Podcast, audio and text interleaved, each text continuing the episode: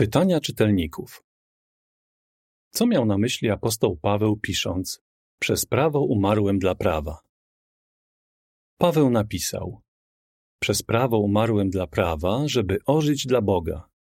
Galatów 2:19. Słowa Pawła harmonizują z głównym tematem jego listu do zborów w rzymskiej prowincji Galacja. Niektórzy tamtejsi chrześcijanie dostali się pod wpływ fałszywych nauczycieli. Tacy ludzie uczyli, że wybawienie jest możliwe tylko dzięki przestrzeganiu prawa mojżeszowego, a zwłaszcza przepisu co do obrzezania. Paweł jednak wiedział, że Bóg już nie wymaga od swoich sług, żeby się obrzezywali. Za pomocą przekonującej argumentacji obalił ten fałszywy pogląd i umocnił wiarę braci w ofiarę okupu złożoną przez Jezusa Chrystusa. Paweł stwierdził: Umarłem dla prawa. Co miał na myśli? Biblia wyraźnie uczy, że człowiek, który umarł, nie jest niczego świadomy i że nic nie ma na niego wpływu. Paweł więc umarł dla prawa w tym sensie, że prawo mojżeszowe nie miało już żadnego wpływu na jego życie. Był pewny, że dzięki wierze w ofiarę okupu ożył dla Boga. Zmiana sytuacji Pawła nastąpiła przez prawo. Jak to rozumieć? Nieco wcześniej wyjaśnił on, że człowiek zostaje uznany za prawego nie na podstawie uczynków wymaganych przez prawo, lecz tylko dzięki wierze w Jezusa Chrystusa.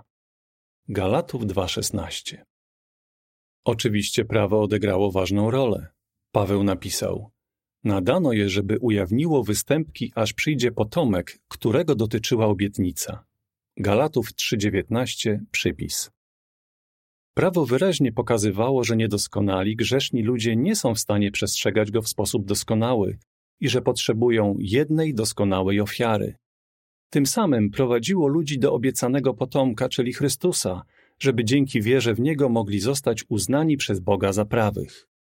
Tak więc to właśnie prawo sprawiło, że Paweł uwierzył w Jezusa.